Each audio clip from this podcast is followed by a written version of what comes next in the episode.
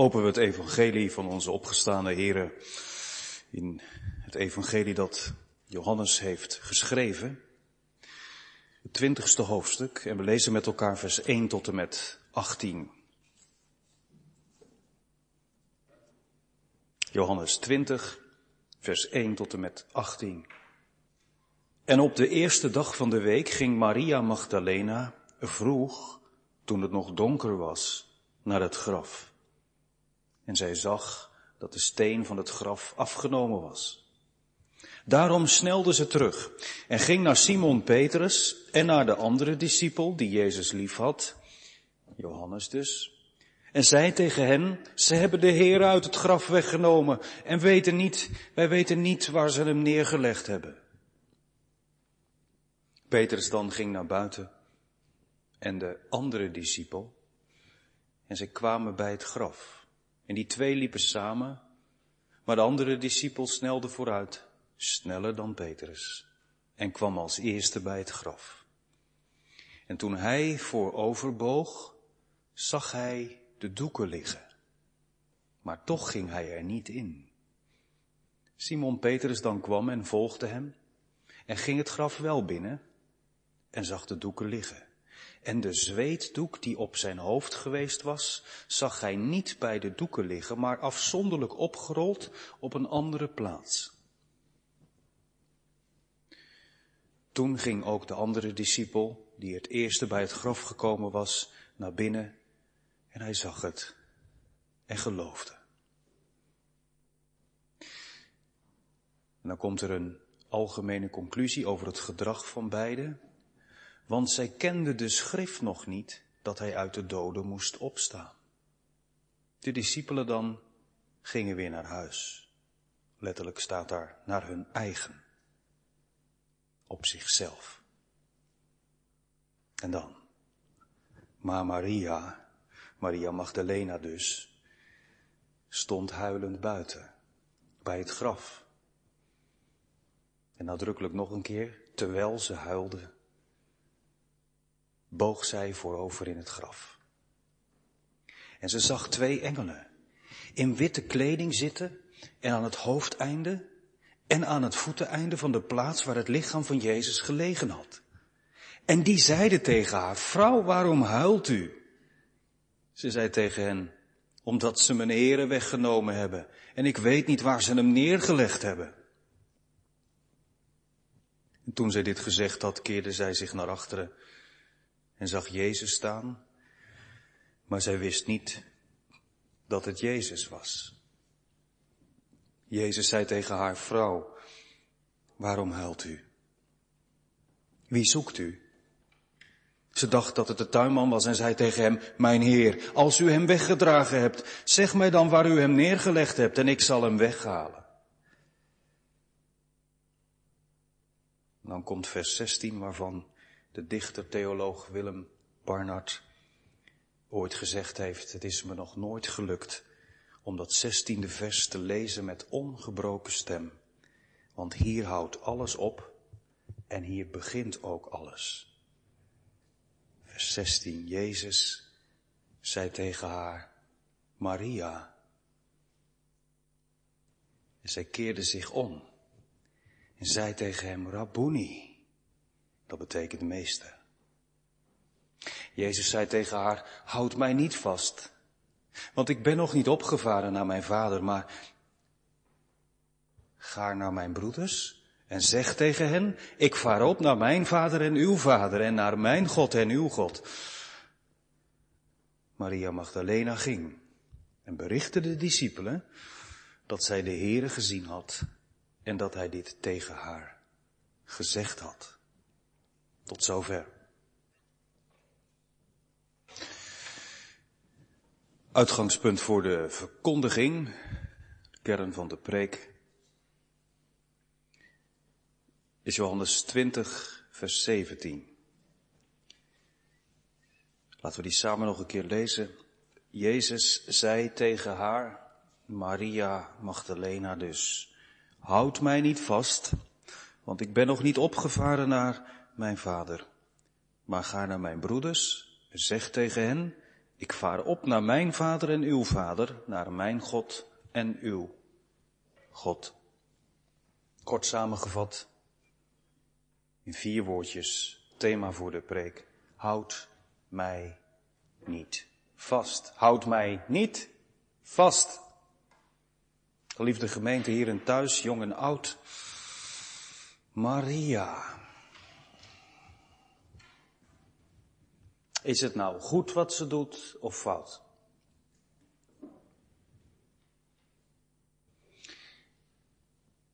Ze zoekt de Heer Jezus. Nou, wie kun je beter zoeken? Dus dat is heel goed.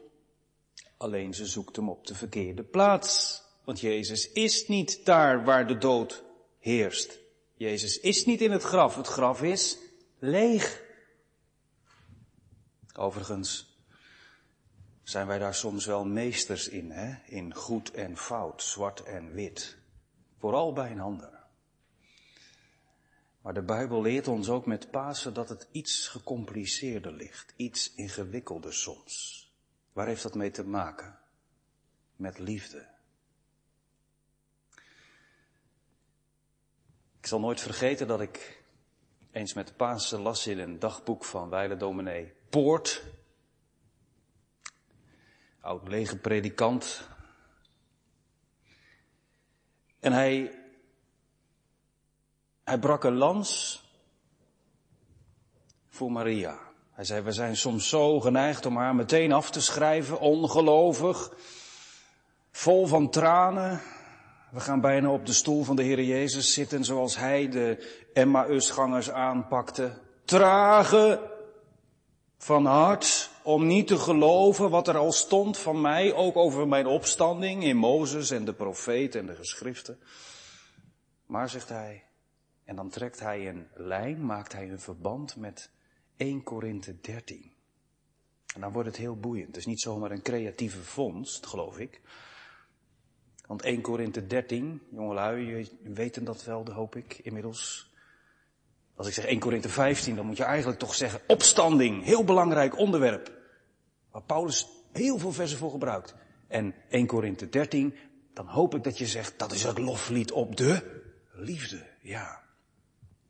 Paulus heeft het daar juist over dat wij maar ten dele kennen en dat wij het hier nooit helemaal begrijpen totdat de dag aanbreekt dat Jezus op de aarde komt en wij hem van aangezicht tot aangezicht zullen zien. En tot die tijd geldt, ja, dan komt die overbekende tekst hè. En nu blijven geloof, hoop en liefde. Drie hele belangrijke woorden. Geloof, hoop en liefde. Maar, maar, de meeste van deze is de liefde. Nou, met de liefde zit het wel goed hoor bij Maria. Zij heeft de meeste van de drie overduidelijk. Hoe komt dat trouwens? Ja, ze had Jezus ontmoet. Daarvoor had ze bezoek gehad van zeven duivels en die waren blijven plakken. Zeven demonen die haar leven hadden bezet die haar uitholden, leegzogen, kapot maakten, van binnen en van buiten. Toen was ze Jezus tegengekomen en die had die duivels eruit gezet. En die was haar meester geworden. Later zal Jezus zeggen, als de discipelen en de schriftgeleerden niet begrijpen dat er uh, zo'n zondige vrouw zulke dure olie over hem heeft uitgegoten. Wie veel vergeven heeft gekregen, heeft veel lief. Dat geldt ook voor Maria. Ze was als laatste bij het kruis van Jezus. Weet je nog? Bij het kruis van Jezus stond ook Maria Magdalene. Ze was als laatste bij zijn kruis en als eerste bij zijn graf. Hoe komt het toch dat de liefde van Maria geen vreugde geeft als ze ziet, het is waar. Het is echt waar, het graf is leeg. Maar dat ze in dat lege graf eigenlijk alleen maar heel erg verdrietig is. Dat ze huilend zich neerbukt en, de heerlijke boodschap ziet en niet begrijpt. God zij dank is Christus niet meer in het graf op de derde dag. Maar zij had zich ermee verzoend natuurlijk, hij moet daar zijn. En ik kan van een dode Jezus afscheid nemen. Even voor mezelf, een één op één moment, waar niemand bij is, vroeg in de morgen. En dan komen we bij het grote punt dat liefde ook blind kan maken. Het mag dan de meeste van de drie zijn, maar liefde zonder geloof gaat zwalken. Liefde zonder hoop wordt wanhopig. Dat zie je gebeuren.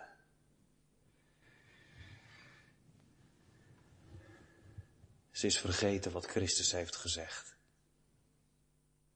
Ze heeft zich verzoend met zijn dood. Wonderlijke zin, nu ik het zo formuleer. Ze heeft zich verzoend met zijn dood. Maar nog niet met zijn opstanding.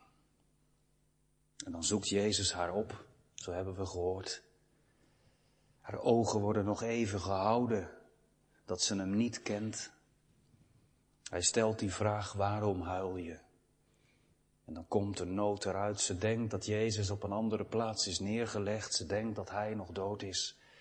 Ze houdt zoveel van hem, maar ze begrijpt er niets van. Het geloof is een flakkerend vlammetje. En dan blaast Jezus dat geloof ineens weer helemaal tot een laaiend paasvuur op in het hart van deze vrouw. Zo zie ik dat voor me. En dat raakt me als ik het ook herkent bij, herken bij tijd en wijle. Die heerlijke momenten dat je erin meegenomen wordt als je je naam hoort noemen in de preek. Of dat je weet, hij noemde mijn naam in één adem met zijn naam bij de doop. Zo zoekt Jezus mij op. Je staat met je rug alweer op weg naar huis. En je draait je nog een keer om als je je naam hoort noemen. En in vergelijk met de andere evangelisten kunnen we wel aannemen dat Maria in aanbidding aan de voeten van Jezus is neergevallen en die voeten heeft vastgepakt. En dan komt de tekst waar we het vanmorgen over zouden hebben. Vreemde tekst, eerlijk gezegd. Uit de mond van hem die zo liefdevol haar naam noemde. Houd mij niet vast. Waarom zegt Jezus dat? Begrijpt hij dan niet dat ze blij is dat hij terug is in het land der levenden? Als er één is die haar hart doorgrondt, is hij het toch wel. Ook dat van mij en van jou en van u. Zegt de Heer, nu heb ik u weer terug en nou laat ik u nooit meer los. En dan zegt hij, niet doen. Laat mij los. Houd mij niet vast. Waarom zegt Jezus dat?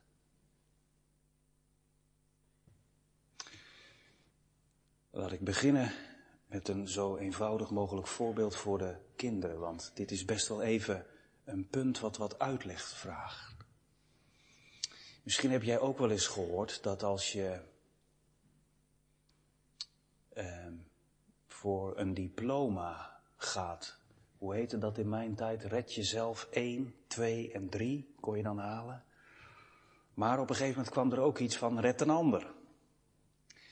En ik weet het nog dat we dat dan moesten oefenen met elkaar.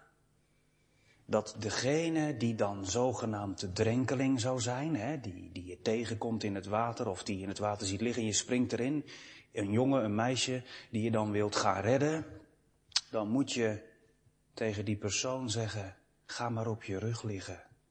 En dan ga jij daarachter zwemmen op je rug en dan houd je dat hoofd in de nek, geloof ik, omhoog boven water en zo zwem je naar de kant. Maar weet je wat er vaak gebeurt? En zo zijn er soms twee mensen verdronken, zowel de drenkeling als de redder. Dat iemand die in het water ligt en in paniek is en dan springt er iemand bij, dat zo iemand die al in dat water lag zich helemaal zo strak aan die andere klemt. En dan,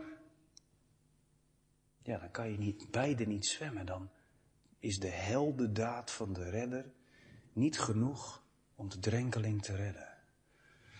Aan dat beeld mogen jullie denken, jongens en meisjes, als Jezus zegt, houd mij niet vast.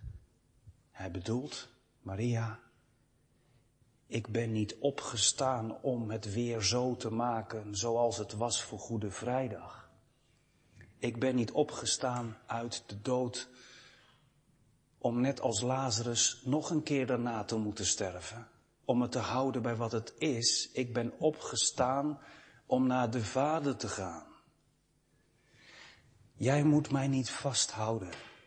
Want als ik niet naar de Vader kan gaan, kan ik niet afmaken wat ik op Goede Vrijdag heb gedaan. Het is nuttig voor jou dat ik ga. En Maria, houd mij nu niet vast, maar laat mij jou vasthouden. Denk aan die drenkeling. Dat Maria zich overgeeft en laat zakken tegen de Heer Jezus aan. En door het geloof moet leren, hij gaat weg, maar hij komt zo dichtbij, niet dat ik hem meer zie, ik kan zijn voeten niet meer gaan pakken, ik kan hem niet meer aanraken, ik kan hem niet meer ruiken, maar ik kan door het geloof zien dat hij daar voor mij zorgt. En ik ben met zijn geest hier op aarde om verder te kunnen. Doorgaans vind ik het het mooist in de preek om de clue helemaal aan het eind, als de aandacht zo gespannen is dat je denkt, en hoe zit het nou te geven? Nu heb ik hem van tevoren al gegeven, ook voor jullie jongens en meisjes. En ik hoop dat je het een klein beetje begrijpt. Want zeg nou gewoon eerlijk, als Jezus zegt, houd mij niet vast, komma, wat zegt hij dan? Want ik ben nog niet opgevaren naar mijn vader. Hè? Ja, daarom moet ze hem toch juist vasthouden. Want straks, als hij wel opgevaren is, dan kan ze er niet meer bij. Dat is best wel vreemd, dat woordje want. Want ik ben nog niet opgevaren tot mijn vader. Sommigen leggen uit van, nu even niet. Je moet naar de discipelen toe. Straks heb je nog alle tijd. Ik ben er nog een paar dagen, dan kun je nog wel. Dat is ook een mogelijkheid om dat te verklaren, maar vanmorgen trek ik deze lijn maar dat Jezus bedoelt, houd mij niet vast. Want ik ben nog niet opgevaren naar mijn vader. Met andere woorden, straks houd ik jou vast. Nu moet je mij loslaten. Nog een keer, het wordt niet meer zoals voor Goede Vrijdag. Het wordt, omdat het Goede Vrijdag is geweest, een ander leven, Maria. Zoals Johannes heeft begrepen, kort hierna toen hij terugdacht aan hoe Jezus met Thomas omging. Hij heeft zich de woorden van Jezus herinnerd. Zalig zijn degenen die niet hebben gezien en toch hebben geloofd. Thomas, jij hebt dan nu eindelijk toch geloofd doordat je hebt gezien. Maar juist dat zien bracht ook zoveel verwarring. Het geloof en de hoop zien meer. Dat is wat wij hier mogen leren. Van de Heer Jezus. Wat een zegen dat Hij is opgestaan om naar de Vader te gaan. Hè? Mooi is dat. Wij hebben het altijd over hemelvaart. Maar vanaf vandaag mag je, naar aanleiding van deze tekst, ook wel spreken over vadervaart. De Heer Jezus gaat naar zijn Vader. Waarom? Waarom heeft dat alles met Pasen te maken? Weet je nog? Ik heb gezegd, wat is Pasen zonder Goede Vrijdag? Met Goede Vrijdag is echt alles klaar, alles voltooid, alles volbracht. Pasen bevestigt dat alleen maar. En omdat Jezus opgewekt is tot onze rechtvaardigmaking, zodat wij zeker weten dat zijn offer volkomen was, is hij met dat offer naar de Vader gegaan. En leeft hij daar om altijd voor ons te bidden. Het is opvallend dat Johannes daar later over begint. In zijn eerste brief, het tweede hoofdstuk, dan schrijft hij, kindertjes, ik schrijf jullie deze dingen ter bemoediging, zodat jullie niet meer zullen zondigen. En als er iemand van jullie toch weer gezondigd heeft, dat schrijft hij lang nadat Jezus naar de hemel is gevaren, aan de generatie net na Maria Magdalena. Als er iemand gezondigd heeft, wij hebben een voorspraak, een advocaat, een pleitbezorger, een verdediger bij de Vader. Jezus, de rechtvaardige Maria. Jezus, de rechtvaardige Mirjam.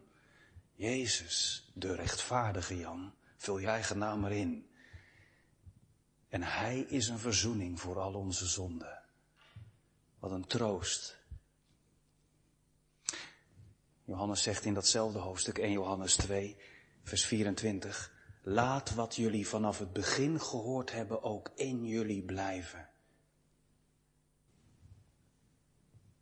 Want dan zal ook de zoon en de vader in je blijven. Dat is, houd mij niet vast, want ik ben nog niet opgevaren. Als ik opgevaren ben, bij de vader als de voorspraak, ben ik in je, ben ik bij je met de vader. Lieve kinderen, blijf in hem. Zo mogen we hem vasthouden. In hem, geplant, geworteld, door het geloof. De Heer Jezus, ik leef niet meer, maar u leeft in mij. Wie in hem blijft, die weet, ik ben ook rechtvaardig. Ja, dan is er door het geloof liefde en door de liefde hoop en door die drie het paasvuur ontstoken. De vreugde van Pasen. De zekerheid van het geloof. Wat Maria nog maar ten dele kende, horen wij hier. Uit de mond van Jezus als een belangrijke les voel je er soms niet zoveel meer van. Soms kun je de schuld geven van de corona. Omdat je zo vaak thuis meeluistert, kan het hart er soms minder bij betrokken zijn. Anderen wijten het aan dat ze al heel lang geen avondmaal meer hebben gevierd. Er zijn ook soms hele persoonlijke dingen, zorgen en zonden die je doen struikelen, die de adem benemen. En dan is het Pasen en het is zo anders. Het lijkt alweer toch op dat van toen, achter gesloten deuren. Je zou zo graag willen dat, dat gevoel, die ervaring, dat je kunt tasten, dat je kunt proeven, dat het er allemaal is. Maar Jezus zegt, ik ben niet afhankelijk van corona en de gemeente ook niet. Ook al word je beperkt, struikel je over de maatregelen, ben je soms helemaal klaar met alles. Daar gaat het niet om. Het gaat om dat alles al veel eerder klaar was. Alles is volbracht. Mijn gemeente leeft met het hoofd in de wolken, zegt Jezus. Daar ben ik, bij de Vader. En als je struikelt, ik ben daar als de voorspraak. Als je denkt, had ik maar, je hebt het. Ik ben in jou door mijn geest. Je staat er niet alleen voor. Het leven na Pasen is anders als ervoor. Er breekt een generatie aan die door het geloof moet leven die niet meer met Jezus samen oploopt en toch kan zeggen, ik wandel in het licht met Hem. Wat is dat ook in onze tijd? En mensen die onze gezin kennen, belangrijk. Dat wij onderscheid maken tussen geloof en gevoel. En niet een tegenstelling. Alsof het ene zonder geloof kan, het gevoel zonder geloof en het geloof zonder gevoel. Tegendeel, daarom ben ik ook juist zo begonnen. De meeste is de liefde, emotie. Maar zonder geloof, weet je het nog, ga je zwalken in de liefde. Je zag het bij Petrus, in de verloochening. Je ziet het bij Maria, in de tranen bij het graf. Daarom een heerlijk evangelie van morgen, op deze eerste paasdag die inmiddels de zoveelste is. Geloof alleen. Vertrouw op Hem die boven is hij maakt je rechtvaardig. Geloof je dat? Ja, Maria moet dus anders over Jezus gaan denken. Er komt een andere verhouding met hem. Niet meer een lijfelijke en een letterlijke, maar door het geloof. Maar er gebeurt nog iets. Jezus zegt, er komt ook een andere verhouding tot God. Ga naar mijn broeders en zeg tegen hen, ik vaar op naar mijn vader en uw vader, naar mijn God en uw God. Waren de discipelen dan nog geen kinderen van God? Voor Pasen, ja, dat is een vraag die geen recht doet aan de heilshistorische context. Nou zeg ik natuurlijk iets heel ingewikkelds voor veel mensen, maar ik bedoel daar maar heel eenvoudig mee. Dan overvragen we dit gedeelte vanuit alle schema's die wij hebben over wie is nou een kind van God en niet. Het gaat er wel om dat Jezus vaak zijn discipelen discipelen noemde of vrienden en één enkele keer in een losse context broeders. Maar nu, voortaan, zijn ze niet slechts leerlingen, zijn ze niet slechts vrienden, Maar komt er, je zou bijna zeggen, een geestelijke bloedband. Vanaf nu weten ze, omdat de eerste, de oudstgeborene, de eerstgeborene zoon naar de vader gaat, noemt hij ze broeders van hetzelfde huis. Mogen zij heel uniek, wat maar zo sporadisch in het Oude Testament klonk als het volk God Vader noemde, nu de Vadernaam op de lippen leggen. De Jezus had ze al leren bidden, onze Vader. Maar dan doelde hij vooral op de Vader van hen allen, maar nu ook de Vader van Jezus Christus. Daar zit iets in van, met het offer wat ik heb gebracht aan het kruis, ga ik nu naar huis en dat is het bewijs. Het stempel staat erop. Denk ook aan je doop, lieve kinderen. Denk aan je doop. Het stempel, het zegel staat erop. God heeft het beloofd. De Vader, de Zoon en de Heilige Geest. Van mij.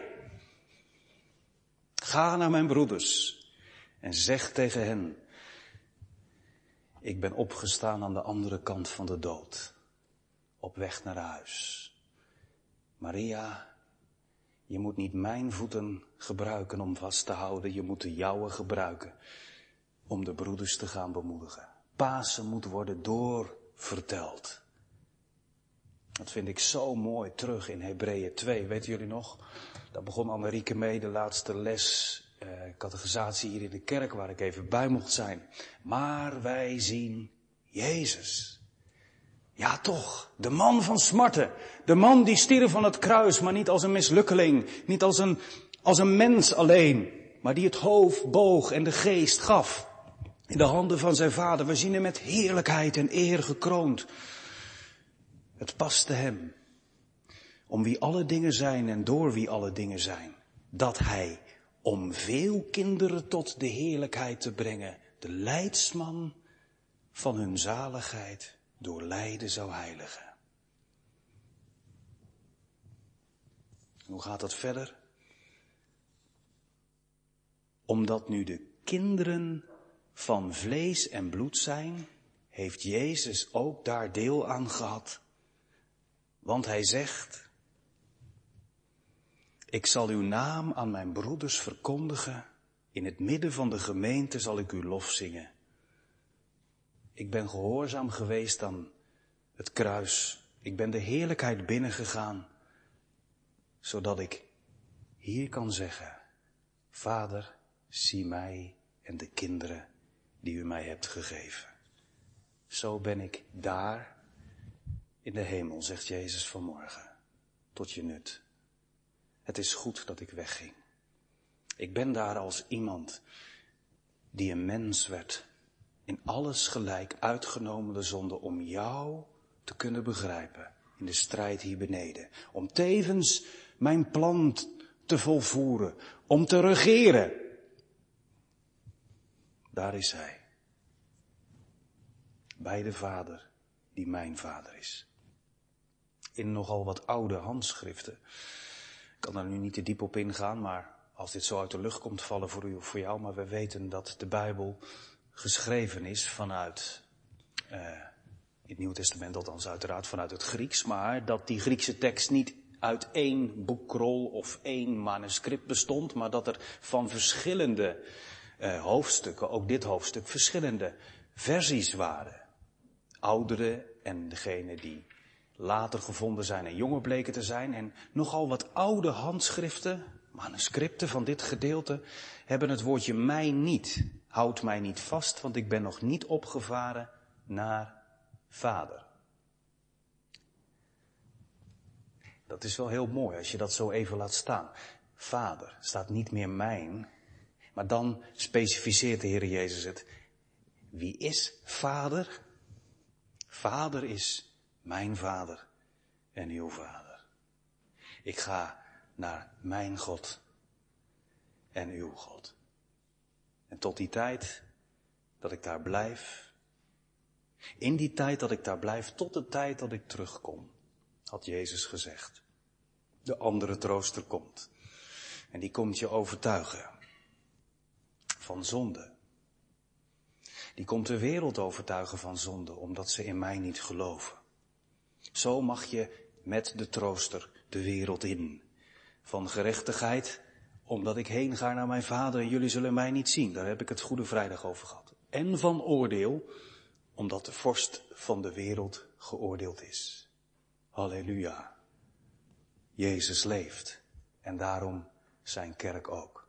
Wat een troost, hè?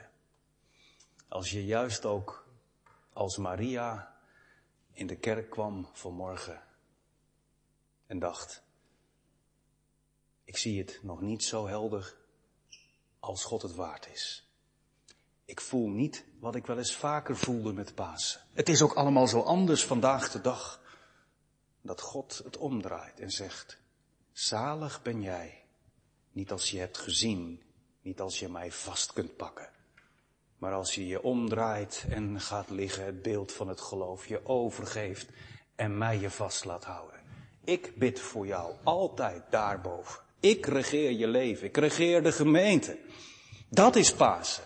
Onze Heer stond niet op om hier te blijven, maar om vanaf daar alles orde op zaken te stellen, totdat Hij komt. Zo mogen wij ook de dood van Hem hopelijk binnenkort weer verkondigen bij Zijn tafel. De dood des Heren verkondigen doordat Hij komt. Aan Hem denken, het tot Zijn gedachtenis doen, niet alleen dat Hij is gestorven, maar dat de Vader ook heeft gezegd, Zijn sterven was genoeg. Zo kom ik er doorheen. Jongens en meisjes, ik ga eindigen. Speciaal ook voor jullie. Om het nog één keer samen te vatten in een waar gebeurd verhaal. Het gaat over een jongetje dat graag met zijn vader ging wandelen. En vooral op vakantie, als ze in het buitenland waren in de bergen, was dat natuurlijk het meest mooie. En pa vond dat geweldig. Tenminste één van de jongens die graag wilde wandelen.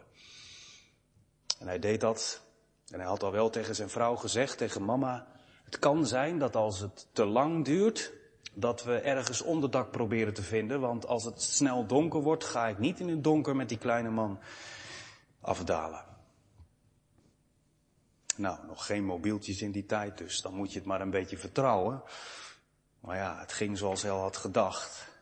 Lopen, lopen, lopen. Dit mooi, dat mooi, dat stukje uitzicht nog even pakken. En daar nog even naar een prachtig plantje wijzen. En voor ze het goed en wel wisten, de kleine en de grote man, mannen onder elkaar, verloren ze de tijd uit het oog en werd het te snel donker naar hun zin. En moesten ze toch ergens maar bivakeren. En ze kwamen terecht bij een oude berghut, waar ze de nacht zouden gaan doorbrengen. En ze vielen allebei als een blok in slaap natuurlijk, zo lang gewandeld. En toen, toen werd dat jongetje als eerste vroeg in de morgen wakker. En hij schrok. Hij schrok. Hoezo? Nou, er zat een heel klein raampje in die hut. En wat hij niet wist, is dat die oranje gloed die door dat raampje naar binnen kwam, samen met een heel hard lawaai, een donderend geweld van ijs dat naar beneden kwam, door het schijnen van de zon. Dat was er aan de hand, maar dat snapte hij niet. Hij zag alleen een klein raampje met heel fel licht en hij hoorde alleen heel eng geluid. Daarom zei hij, hij schudde zijn vader wakker. Hij zegt, papa, papa, dit is het einde van de wereld. Wist hij veel? Dit had hij nog nooit meegemaakt. Hij denkt, dit, dit, de wereld vergaat. Papa deed één oog open, twee ogen, gebruikte zijn oren als een volwassen man. Geluid, licht, één en één is twee. Toen zei hij, nee jongen, dit is niet het einde van de wereld. Dit is nu het begin van een nieuwe dag. Ik voel me soms ook die kleine jongen met Pasen. Ik sta naar de hemel. Waar is u? Waar is die nou? Waar bent u, Heer Jezus? Is het wel echt nuttig dat u weggegaan bent? Ik voel me er soms alleen voor staan. Ik zie maar door een klein raampje en dan zegt Jezus vanmorgen tegen mij, ik zie het grote, complete beeld. Ik zit boven. Ik overzie het. Kijk nou eens. Met de ogen van je hart. Zie nou eens wat ik heb gedaan. Ik houd je vast met doorboorde handen. Ik ben in je komen wonen door mijn geest. Jij leeft niet meer. Je bent van mij. rechtvaardig. Ja, maar ik doe nog zoveel. Toch in Christus rechtvaardig. Leef vanuit de vrucht. Blijf in mij. Sta op in een nieuw godzalig leven en wandel in de wereld. Met de blik omhoog. Nog even. En dan is hij daar. Ja, ook voor mij. Zou je dan niet met Maria doorgaan?